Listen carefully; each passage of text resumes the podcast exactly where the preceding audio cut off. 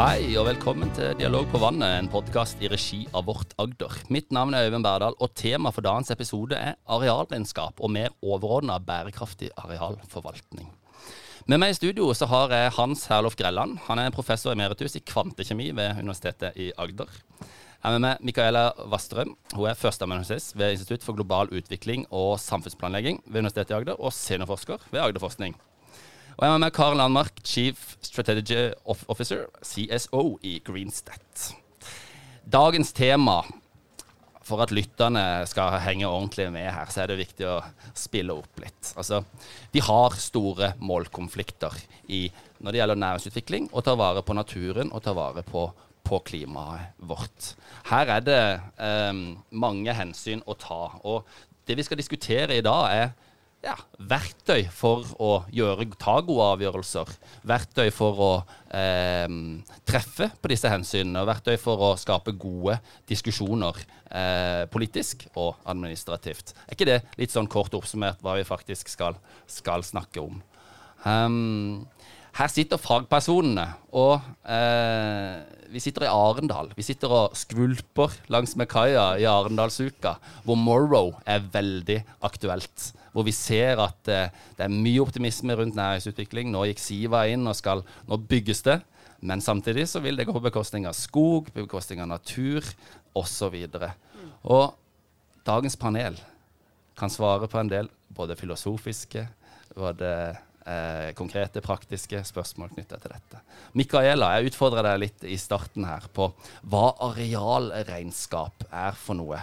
Og fra en eh, som ikke er fagperson, til en som er fagperson, løft nivået på eh, på samtalen. Det som er mest interessant, er at vi vet vel ikke helt hva et arealregnskap er, eller arealbudsjett. Men det er liksom en, et nytt grep som man tenker kan fungere som et bra verktøy framover. Vi har sett det komme fram med klimabudsjetter i flere byer, ikke sant? og prøve å lage en beregning på hva vi slipper ut.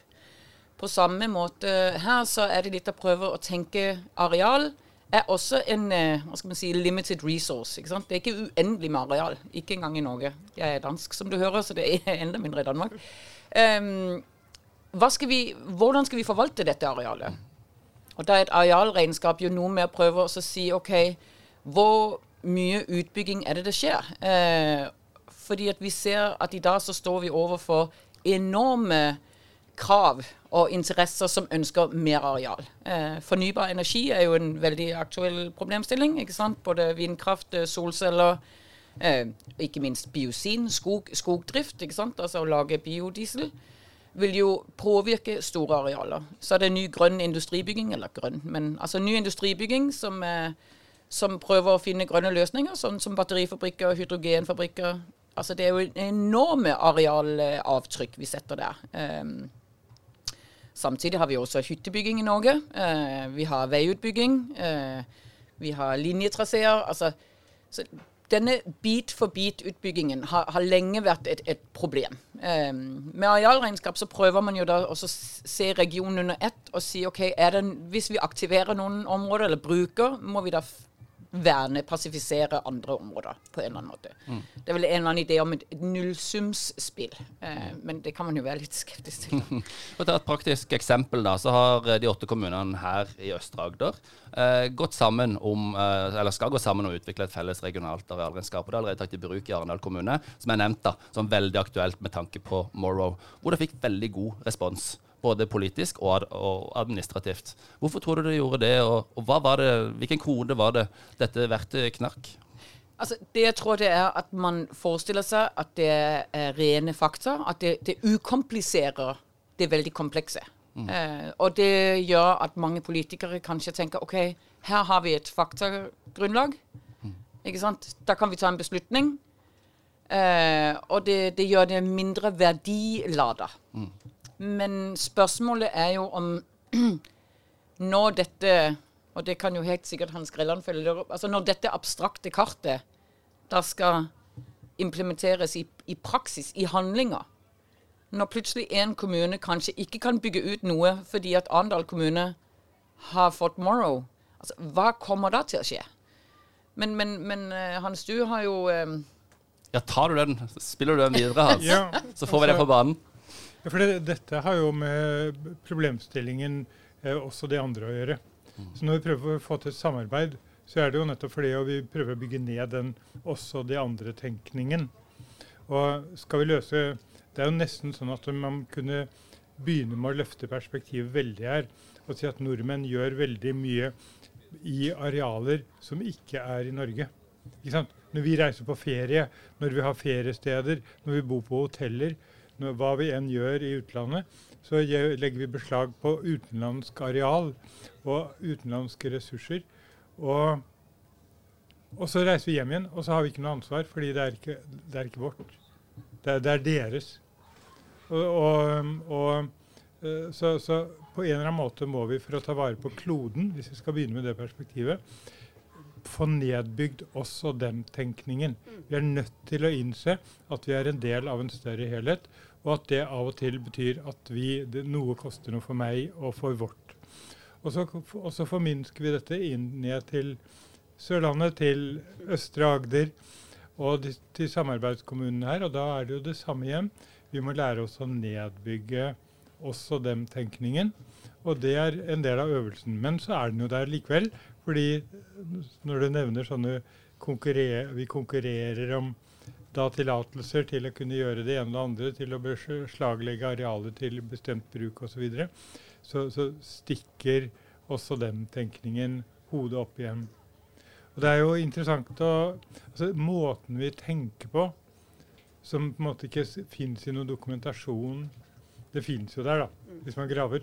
Men, eh, men som er skjult i en dokumentasjon og et sakspråk osv. Det, det, det er jo disse holdningene som på en måte Eh, alt dette prakti dette faktiske med kart og målinger og ressurskartlegging eh, og fordeling og sånn, disse faktatingene skal du egentlig prøve å gjøre verden vi lever i, bedre. Mm. Så det er jo, og, det, og, det, og holdningene våre uh, dukker opp igjen hele tiden. Vi er mennesker, og det å mennesker også har følelser, og det å ha følelser for hva Og dette med jeg og det andre tenkning er jo en del av, av følelseslivet vårt. Da. Mm. Vi må lære oss å føle annerledes overfor andres behov mm. enn det som har vært tradisjonelt.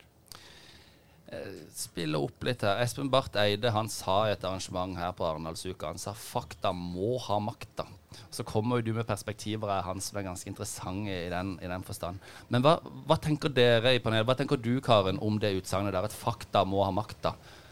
det kan jo forstås som at eh, hvis eh, arealregnskapet eh, viser at X, så må vi gjøre Y.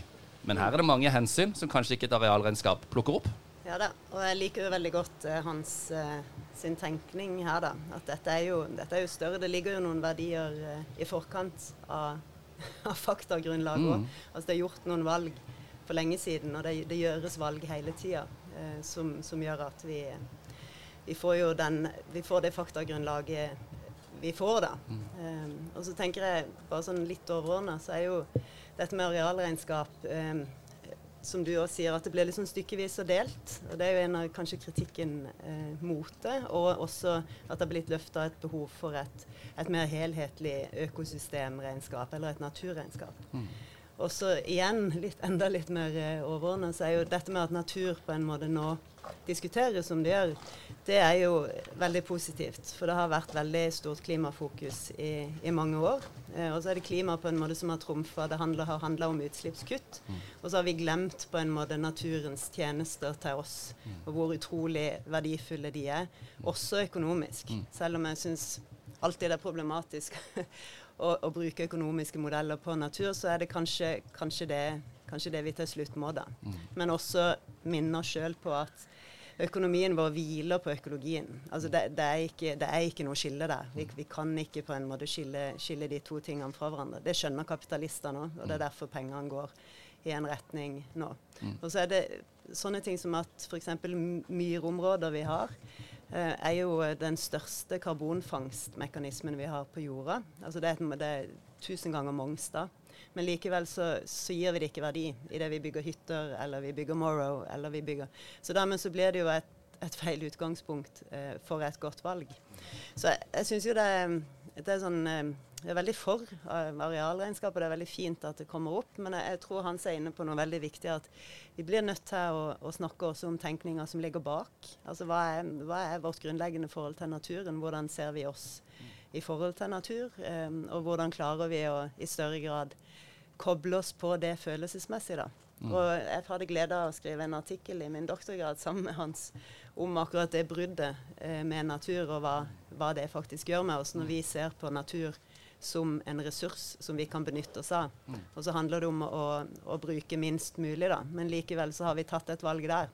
At det er vår ressurs. Og dermed så går en bort ifra en litt mer sånn Arne Næss-tilnærming om at naturen i seg sjøl har en, en, egenverdi. Så jeg heier veldig på å løfte debatten, samtidig som det er jo det er helt riktig det Micaela sier, at det, altså det, er jo, det er jo en fin, fin måte å, å, begynne å måle og begynne å, å nærme oss et, et bedre beslutningsgrunnlag. Mm. Og så er det disse problemene som du sier med, med sånn som Morrow, altså Arendal for Morrow. Ja, det er jo fint, men det er jo allerede tatt en kjempestor avgjørelse med tanke på arealbruk. Um, sånn at, ja, det er noe med liksom å, å, løfte blikket samtidig som vi klarer å løse de, de regionale problemstillingene. Mm. Mm. Spiller det inn litt, Mikael, for det, og kanskje Hans burde få spørsmålet, men hvilke verdier er det egentlig vi måler med et sånt verktøy? Ja, for, altså, jeg satt og tenkte på både nå Hans og, og Karen. Det er, jo, det er, jo, egentlig det som er dilemmaet. ikke sant? Altså, Kommer vi til å bruke et arealregnskap og et arealbudsjett som instrumentaliserer naturen? ikke sant? At vi tenker at alt kan måles og veies, og så legger vi det oppå hverandre. Og alt det vi da ikke har målt og veid, det har liksom ingen verdi. Ny public eh, management eh, ja, offentlig Og ikke minst, og det som innenfor sånn, eh, den økologiske eh, teorien ble kalt for økologisk modernisering.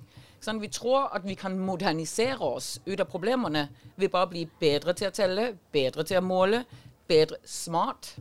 Altså ikke minst være smart. um, og, det, altså, og, det, er jo som, som Karen sier, på en måte så prater et arealregnskap og tall og økonomiske modeller, som økosystemtjenestetenkning, det snakker jo et språk som politikerne forstår, og som eh, Nå sa du kapitalister, altså, men altså, som industrien eller økonomien forstår.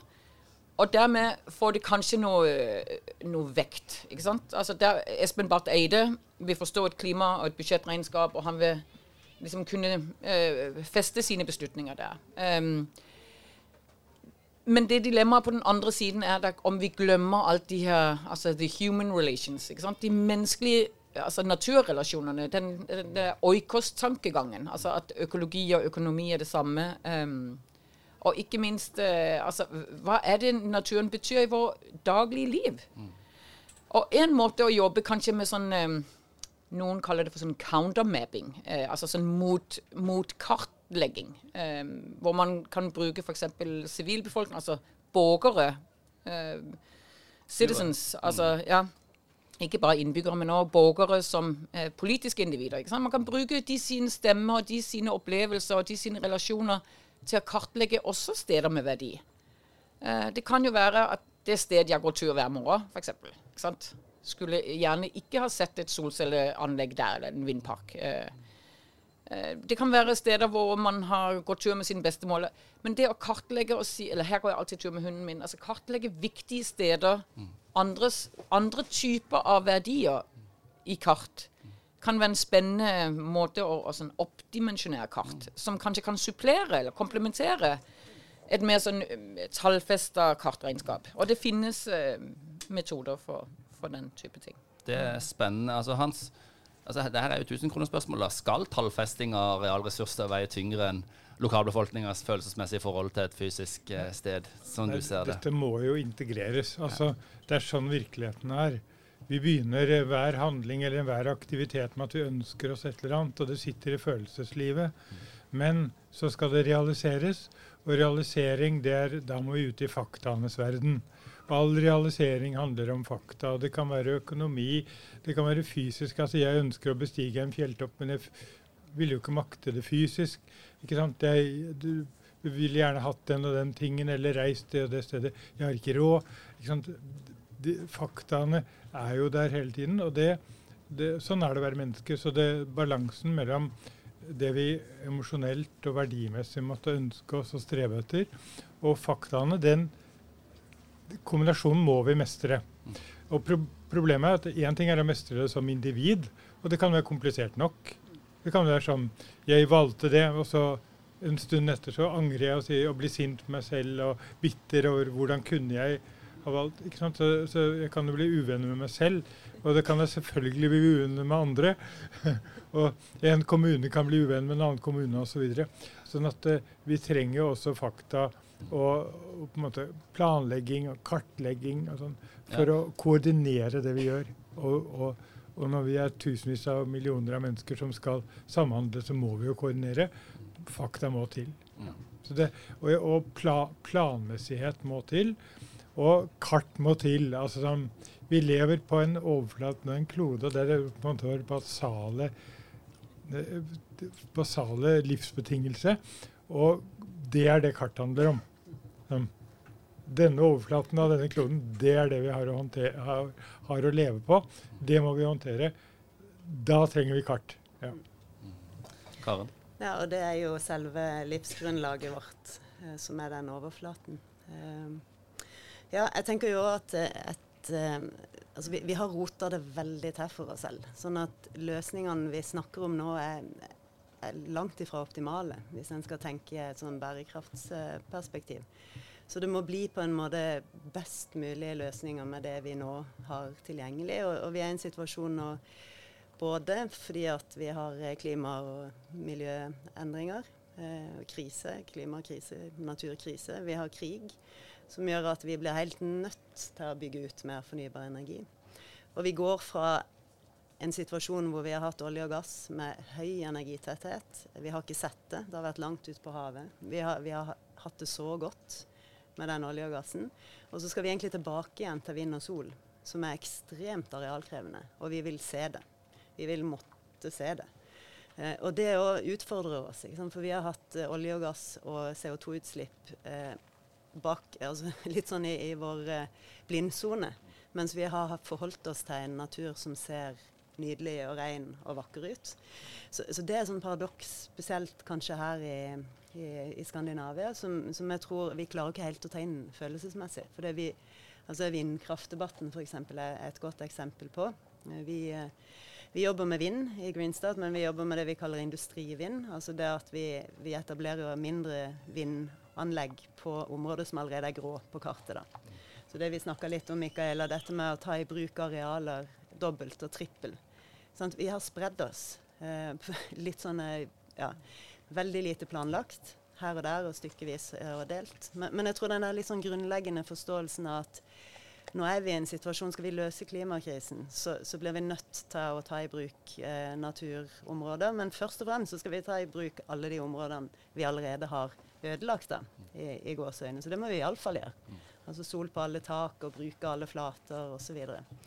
Og så, idet vi beveger oss ut i noen områder som skal bygges ut, altså det være seg Morrow, hvis en tenker at det er en, en nødvendig vei å gå, så skal en jo iallfall vite hva en gjør på det området. da. Altså vite hva, hva er disse myrene verdt, hva er skogen akkurat der verdt.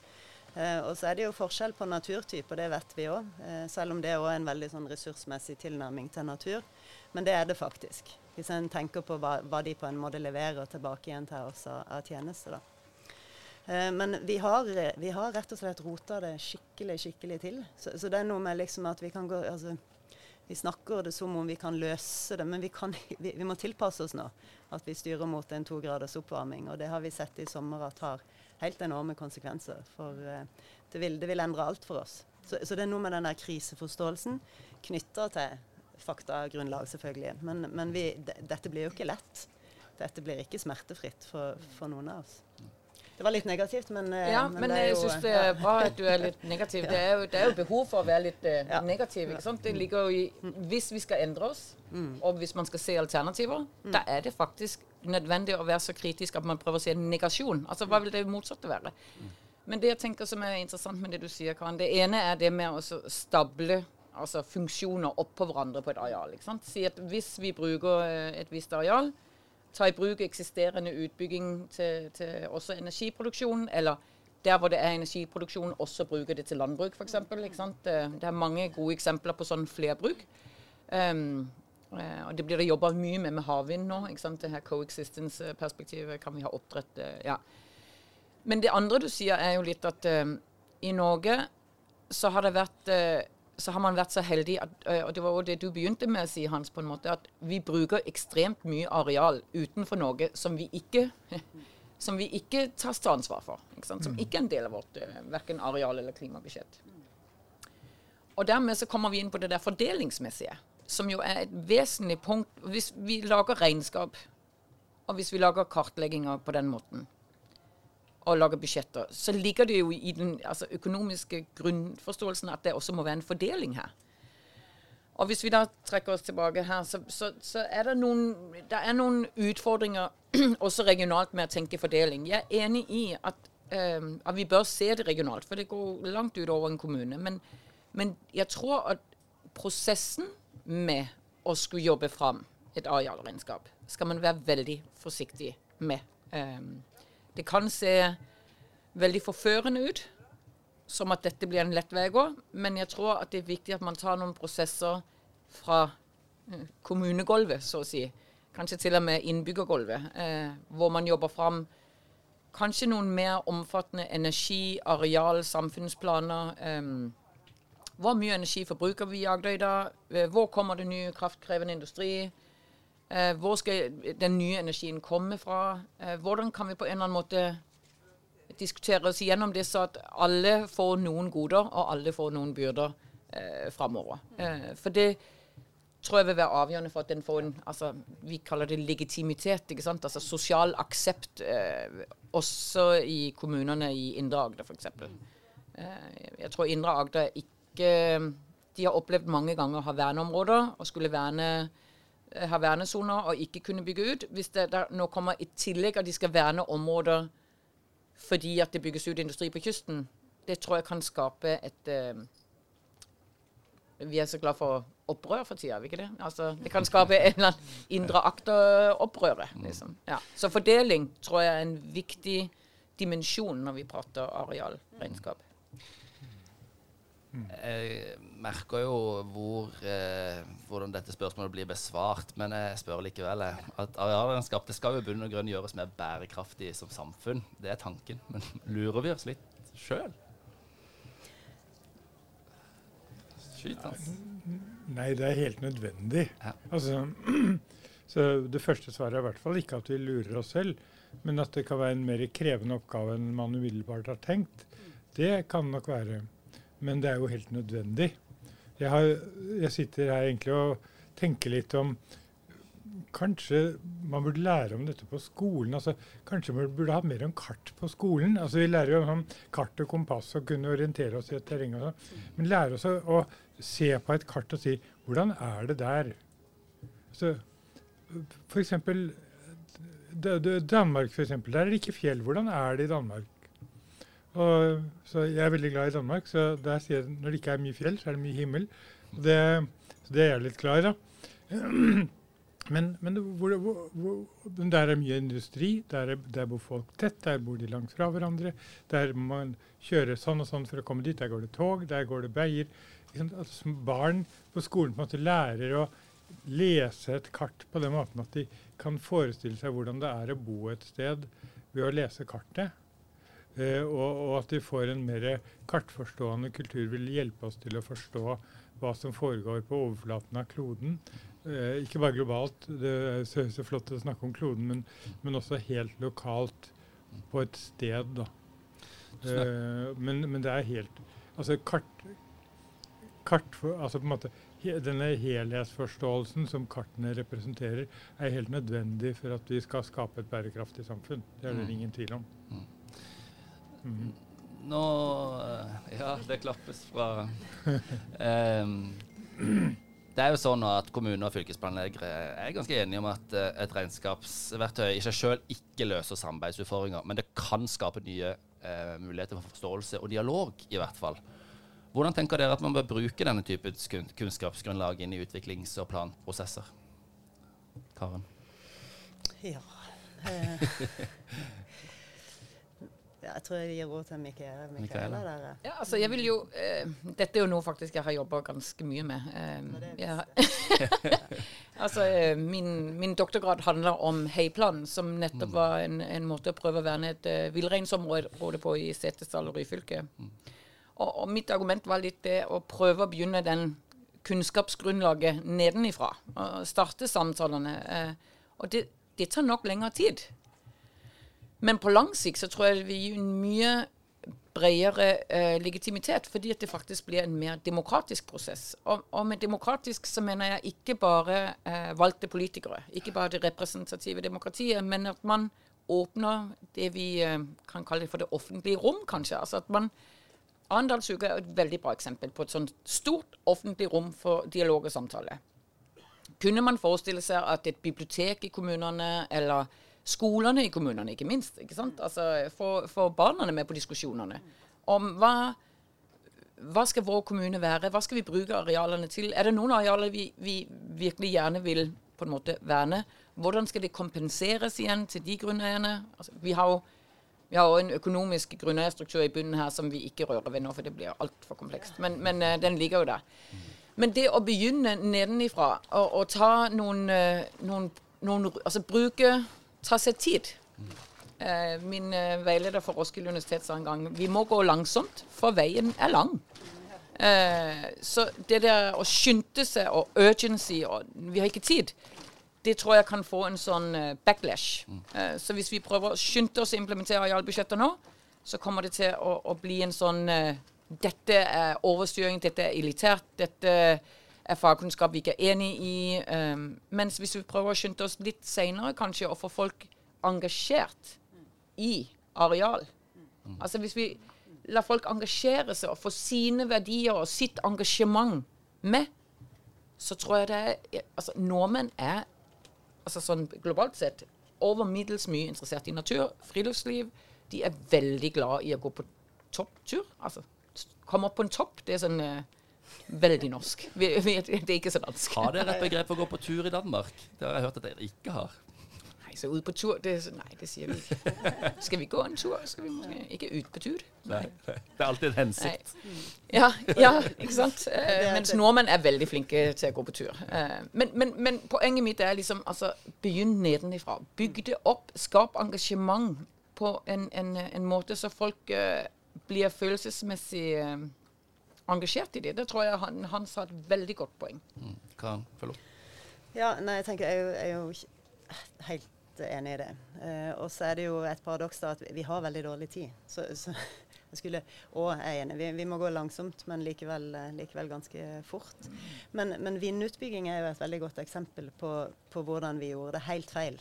Ved at vi, vi aldri spurte egentlig de som bodde der. Vi tok aldri tok oss aldri tid til den prosessen. Det ble eh, monstermaster, og det ble en del ja, sånne Ja, og pengene gikk til et sveitsisk pensjonsfond. Ja. Og det, det, var ingen lokal verdiskaping, og det, det, det er ren ødeleggelse sett fra innbyggernes, innbyggernes side. Eh, og I Danmark så har de jo noe som heter vindmøllelaug. Som, som, er en helt annen tilnærming til det. Eh, hvor man får bruke eh, jorda til, til, en bonde eller en, en landsby eller en liten by. Eh, og hvor alle er med og eier energisystemet, og får også deler av inntekten. Altså de får både strøm, men også en del av inntekten av strømmen de selger. Og, og, da vil på en måte hele anlegget fremstå veldig annerledes for de som bor der. Eh, så dette med, med dialog og å finne frem til ting sammen, det, det er jo helt, helt vesentlig. Men så er jo kanskje paradokset at vi, vi, har litt, vi, har litt, dårlig tid. Og der er jo sånn eh, Jørgen Randers eksempler på at Kina gjør dette best, for de trenger ikke å spørre så mange. De bare implementerer, og at et demokrati i seg selv er for saktegående til å, til å, eh, til å klare dette eh, så fort som vi må, da. For det at grepene er så massive de som må tas. Ja, vi har For det samme diktaturet har nå bestemt at nå vil de ikke ha noe miljøsamarbeid med USA lenger. Ja. Mm. Fordi de er litt irritert over dem fordi mm. pga. Taiwan. Mm.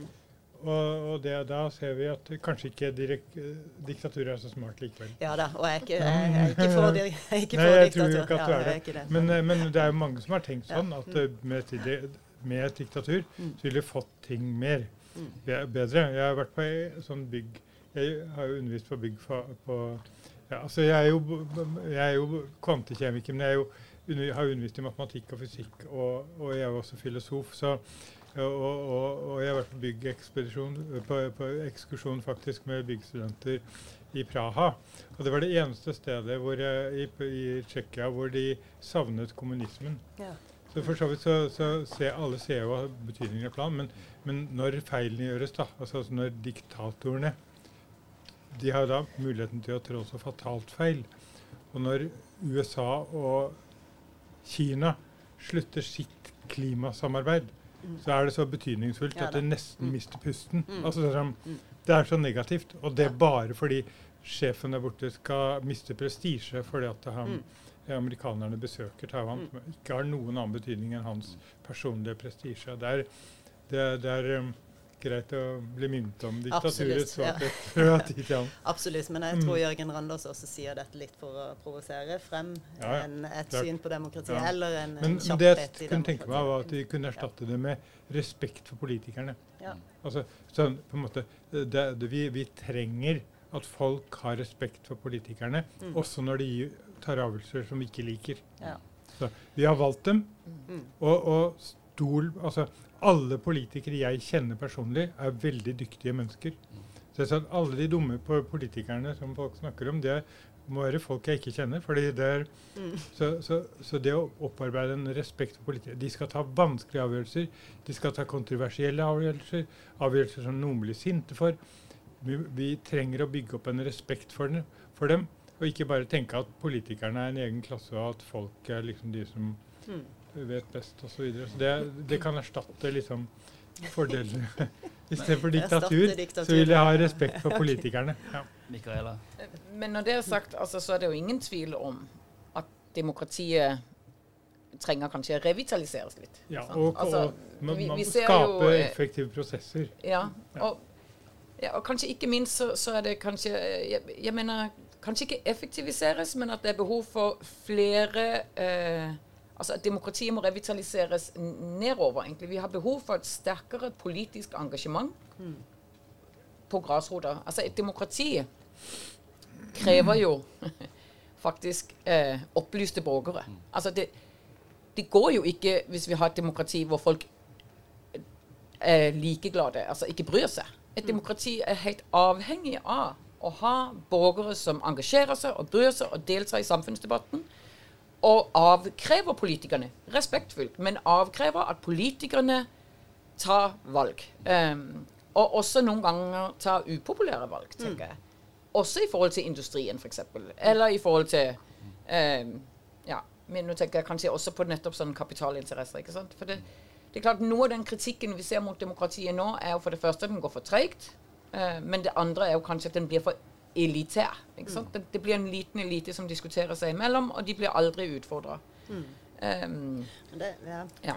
det er utrolig spennende innspill da, også med tanke på eh, altså, hva som skjer i en kommune når man får en henvendelse fra en ekstremt tung industri, industriaktør med masse kapital eh, og løfte om eh, befolkningsvekst og jobb, eh, jobber og egentlig litt sånn Klondyke-stemning. Eh, hvor står eh, politikerne da? Skal de da si at nei, for vi har bestemt oss for å ta vare på dette myrområdet her, og vi, vi, vi har dette vi styrer etter. Så det er en utrolig vanskelig avveining, og det kommer jo litt sånn hvem sitter egentlig med makta mm. eh, i sånne, sånne avgjørelser, og hvordan når, tar de, når tas de avgjørelsene, på hvilket grunnlag. Så, så der igjen, da, tilbake igjen til arealregnskap, naturregnskap, at en må iallfall ha noe å slå i bordet med. Og si at ja, det er fint nok. Vi vil gjerne ha utvikling og industriutbygging. Kanskje ikke all. Altså En skal være kritisk til det òg. Altså, det ikke- vi, vi har ikke energi til bitcoin-mining i, i vår tid, f.eks. Altså, det er forskjell på industri. Da må en velge industri som, som er med på å, å skape en bedre verden. da. Men likevel så, ja, likevel så må en inn i den dialogen også med de veldig sterke kapitalkreftene. På, på hva er konsekvensen, hva er det vi gir fra oss da? Og hvordan skal f.eks.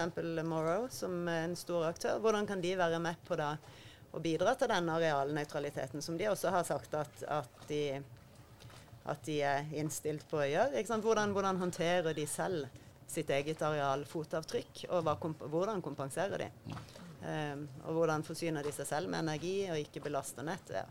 Så, så, det er mange, altså, og da tenker jeg politikerne eh, trenger godt kunnskapsgrunnlag. Og så er jeg helt enig med deg at det med opplyste borgere vi er nok litt sånn nedsløva. ikke sant? Og det er jo igjen dette med sånn kriseforståelse. Hva betyr egentlig dette? Hva er, hva er verdien av uberørt natur, f.eks.?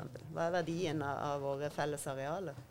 For hvis ikke, hvis ikke en har noe bevissthet eh, omkring det, så vil det på en måte alltid være logisk, eller vil alltid lønne seg å bygge ut. Nei, ja, jeg vil bare si en kjapp, kjapp ting at i 95 så hadde jeg Arne Næss i to vekttall miljøfilosofi på Høgskolen i Bø. Og Da snakker vi om disse tingene, med verdien av natur, og om, om det er i det hele tatt mulig å, å sette en verdi. Uh, så dette er jo ting som har vært uh, på en måte snakka om, og snakka om i iallfall noen generasjoner. Kanskje, kanskje mer. Ja. Eh, ja, det har mm. det. Har det, har det. Ja. Men at det, ja, så kommer det opp nå. Men jeg syns det er et veldig godt mm. poeng. og sånn, at det, det, trekker jo litt det du sa nå, trekker jo litt sånn uh, tråden igjennom noe det vi har pratet om. At mm. det som arealregnskap, hvis man gjør det på en uh, måte som, som har flere kunnskapsformer mm. i seg. Og hvis man får det diskutert gjennom skikkelige prosesser, mm. Uh, så vil man kanskje få et grunnlag så at når det kommer en stor industriaktør, mm. eller en vindkraftutbygger, mm. eller solcelleutbygger, mm. eller hyttefelt, så vil man faktisk kunne si ja, men du, vi har faktisk vært gjennom en, en mm. lang kvalitativ ja. og kvantitativ uh, prosess. Og vi har faktisk gjort oss noen avveininger, så hvis dere skal komme her, så må dere ta hensyn til mm. eller ja. så, har man, så, har man, gjort så, så man ikke mm. blir stående som en saksbehandler. Ja, helt riktig. Altså, um, det er jo noe av problemet i dag med offent, det offentlige plan- og bygningslovsverktøyet. Det er at kommuner og fylkeskommuner blir stående som saksbehandlere til initiativer som kommer utenfra. Mm. Man kunne jo tenke seg at et arealbudsjett og arealstrategi eller sånn vil kunne brukes som et mer proaktivt verktøy. Ja, og så si mm. Ja, OK, nå har vi gjort dette. Det vil si at vi har noen arealer her hvor det er god strømforsyning, det er god, dit, mm. det er god infrastruktur. Vi skal ikke bygge ut flere veier. Mm. Um, ja. Mm. ja. så kan man lage en uh, auksjonsrunde på det? Nei. Ja. Men finnes det gode retningslinjer, relevant metodikk og uh, er dette godt nok etablert til at uh, For nå er det jo der ute. Flere og flere jobber rundt arealregnskap. Hvordan hvordan tror dere politikere vil forholde seg til å, å uh, bruke arealregnskap? Tror dere, vil, tror de vil ta inn over seg de hensynene dere er inne på her, her, og nå? Selvfølgelig vanskelig å si, men det er et veldig relevant spørsmål. For det er politikere som tar uh, Dere er inne på det. At vi uh, Hans, hvis du Jeg holdt på å svare bare ja, det vil jeg jo tro. Altså, eller det, det, det, det Dette er jo kanskje Kanskje trenger vi en læringsprosess for å gjenvinne politikernes initiativ, på en måte, for det er det du snakker om. Altså, Vi har verktøyet med arealberegning. Vi har fagfolkene, vi har fagkompetansen. Eh, hvor, har, hvor, mye vi har lokalt, det blir jo hele tiden en ting man må, må jobbe med. Men, men at det, den fins. Men, men den ideen at politikerne skal ha initiativet, altså at de skal være ikke bare de som venter på at bedrifter og, og, og, andre aktører i samfunnet kommer med sine forslag eller ønsker eller krav. Eh, det er jo en, det, det er jo en tanke, da. At politikerne må, må gjenvinne initiativet hvis de skal uh, kunne legge gode planer. Mm. Og vi trenger altså gode planer når det kommer til stykket. Ja. Mm. Og arealregnskap er jo en av de viktige, konkrete satsingene i vårt Agder. Derfor vi sitter her nede på båten. Det er regional samhandling om komplekse eh, samfunnsutfordringer. Um, hva kan den type samarbeidsarenaer gjøre for at vi skal bli enda flinkere til å ja, jobbe ut gode verktøy, ta inn over oss disse hensynene og, og ta gode beslutninger til syvende og sist, da, hvor hvor demokratiet og, og folk, et opplyst folk ja, Nå oppsummerer jeg mye av det vi har pratet om de siste ti minuttene, men dere skjønner. Jeg tenker at eh, disse samarbeidsarenaene eh, er veldig fint for å holde det litt overordna perspektivet, som er Det er aldri fritt for interesser, men, men det er iallfall en mulighet for å, å, snakke om ting som ikke er den bedriftens interesse eller den institusjonens interesse. Jeg har jo vært sånn heldig å sitte i dette strategiske rådet for uh, klima og miljø i, i vårt Agder. Mm. Eh, og det ble jo fort eh, klart at akkurat dette med arealregnskap det var på en måte en, en side som trumfa alt. For hvis, ikke vi, hvis ikke vi klarer å samarbeide om det, som er samarbeidsmat, så, så, så, klarer vi ingenting. Da blir det stykkevis og delt. Men så er det jo det som Hans sa innledningsvis, dette med, med hvor setter vi grensene da? Mm. For da er vi åtte kommuner, eller vi er en region, og så er dette egentlig mye større enn det. Så det som eh, etterspørres litt, er jo dette helhetlige naturregnskapet. Eh, kanskje på nasjonalt nivå, kanskje på mye større nivå etter hvert. Og FN er jo på saken der òg. Men, men, det blir mer og mer komplekst. For det at hvis man da, hvis man da skal se summen av, av økosystemenes verdi i, nasjonalt, så vil det jo være veldig forskjell fra region til region. F.eks. Noen steder vil det være nesten ikke mulig å bygge ut noen ting, fordi det er sårbare økosystemer. Andre steder kan man. Og hvordan får en verdiskapning av det til å, til å flyte fra den ene regionen til den andre. Men, men samarbeidsarenaer er, er, utrolig viktig, ikke minst fordi jeg tror at de fleste aktører eh, føler at de kan snakke litt fritt. da. Eh, litt ta den hatten de vanligvis eh, har på, og så snakke litt fritt. Og så er jeg litt, litt sånn bekymra for likevel at, at, vi i alle disse samarbeidsarenaene på Agder, så er vi veldig, veldig prega av den der litt sånn uh, utbyggingskåte tilnærminga vi har. Det, det, kommer litt sånn inn og fra alle steder, for det, det trumfer. Så, så, det er igjen tilbake igjen til, til det vi snakka om, altså det med å ha et solid solid grunnlag å stå på for våre politikere, som kan si at vet du hva, vi vet hva som er i spill. Vi vet at om 20 år så vil ikke den utbygginga lønne seg. For det at da alle de andre, da vi mislykkes på alle de andre parametrene. Men hvis ikke vi vet det, så vil det være veldig lett å ta feil avgjørelse i dag. Og det er jo lange perspektiver det er snakk om. Mm. Skal ikke gå inn på det, men politikerne sitter jo gjerne i korte perioder mm. og må ha noe 'Dette har jeg fått til mm. i min periode'. Ja, ja. Og da er jo Det krasjer kanskje litt med det perspektivet ja. som vi snakker om. Ja, hvis ikke de kan si at 'jeg fikk til å mm. verne naturen'. Det må jo være det fineste en kan få til. I, det, det, er jo det sikreste hvis du skal ha langsiktig, så er det mm. Naturen er der. Mens uh, industriprosjektet kommer og går. det gjør det virkelig. Ja. Mikaela, noen avsluttende ord? Ja, og så er det jo nettopp det med arbeidsplasser og velferd. ikke sant? Altså, og det, det, handler jo ikke bare om kroner og øre, det handler jo egentlig om sosial velferd. Det handler jo om det, det gode liv, da. Og det er jo derfor også mange ordførere blir liksom, eh, som du sier, litt eh, utbyggingskåte eller industri. altså helt sånn historisk Arendal òg. Endelig. Mm. Stor satsing mm. her. Eh, det må vi få til. Um, og det handler om mange arbeidsplasser og mange liv og, og, og vekst. Men, men, vi kommer kanskje inn på den der ideen om er det økonomisk vekst og, og vekst i det hele tatt? Som, uh, eller skal vi egentlig begynne å planlegge litt for en litt mindre vekstorientert eh, virkelighet? Og, det vet jeg du har vært eh, opptatt av. Um, men jeg vil bare tilbake til Du spurte liksom hva for jeg merker du liksom gikk litt inn for landing med mm. hva, hva, altså, hva, gjør vi nå, da? Ja. Eh, og jeg tror at det er helt riktig det som Karen sa, jeg syns hun sa veldig mye klokt i stad, at med en sånn type natur- og arealregnskap så vil det være eh, et bedre grunnlag for, for politikere eh, fremover.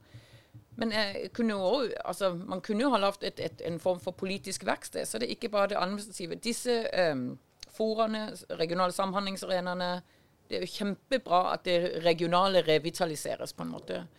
Uh, men uh, man kunne jo ha, ha, ha prøvd å si ok, innenfor arealregnskapet så bør vi jo kanskje ha noen arbeidsgrupper. Nå nevner jeg energi, fordi at nå jobber jeg mye med vindkraft og vindkraftkonflikter og energi uh, akkurat nå. altså at man sier OK, hva, byutvikling f.eks. Hva er det for planer med byutvikling nå? så er det en arbeidsgruppe som jobber med det, og prøver ar areal kartlegge det og diskutere det på tvers av kommuner og med fylket. Det andre er energi. ikke sant? Hva er det egentlig for energibehov det er lagt opp til nå? Hva har vi av energi? Hva må vi produsere med energi i Agder eller ikke? Og hvis vi skal det, hvor skal vi da gjøre det? Så vi ikke sitter og venter på det kommer en energiutbygger og vi, eh, men, men, at det har vært en mer politisk eh, diskusjon. Um, og nå prater jeg med min viserektor i går, han sitter i samme forum som det, um, Hans Kjetil Lysgård. og jeg fikk lov å si altså Vi på UiA inviterer gjerne til et politisk verksted om energi i um, samme fylkeskommune, kanskje Agder Energi, kanskje Greenstead. Uh, om liksom hva, hva, er behovet? Hvor, uh, hvor, produserer vi da? Skal vi ha mer energiutbygging i Agder? Hvor skal det da være? Hvordan skal det være? Uh, det jo vært noen utrolig spennende diskusjoner å prøve å ta, så vi, så vi ligger foran markedet, så å si. Ja. Det er en utfordring vi må ta, tenker jeg. Ja. Eh, Hans, har du noen eh, siste, siste ord når vi som Micaela sier, går litt inn for landing? Kanskje jeg bare skal repetere den ideen med skolen. altså Kanskje man burde lære å tenke arealplanlegging allerede i fellesskolen, altså på et veldig lavt nivå. At kanskje unger ville synes det var veldig gøy eller de og sitte, sitte med arealer og lage planer og, og lære seg å tenke helhetlig samfunnsmessig. Og så tenker jeg at den kulturen også må inn i ingeniørutdanning, som er noe som ligger min eh, direkte erfaring nærmere. Eh, for det, der kommer den også inn som et, hva skal jeg si, egentlig et slags fremmedelement, eller et element for spesielt interesserte. Men dette, alt, alt som gjøres, også teknologisk, må tenkes inn i en arealplan. Fordi det handler om overflaten av jorden som vi bor på. Gode ord avslutningsvis der. Tusen takk, eh, Hans Herlof eh, Grelland, Micaela Vastrøm og Karen Landmark, for at dere var med her i dag. Tusen takk for at vi kunne komme. Og takk til dere som har sittet og hørt på, og lytterne. Du har hørt en episode av Dialog på vannet, en podkast i regi av Vårt Agder.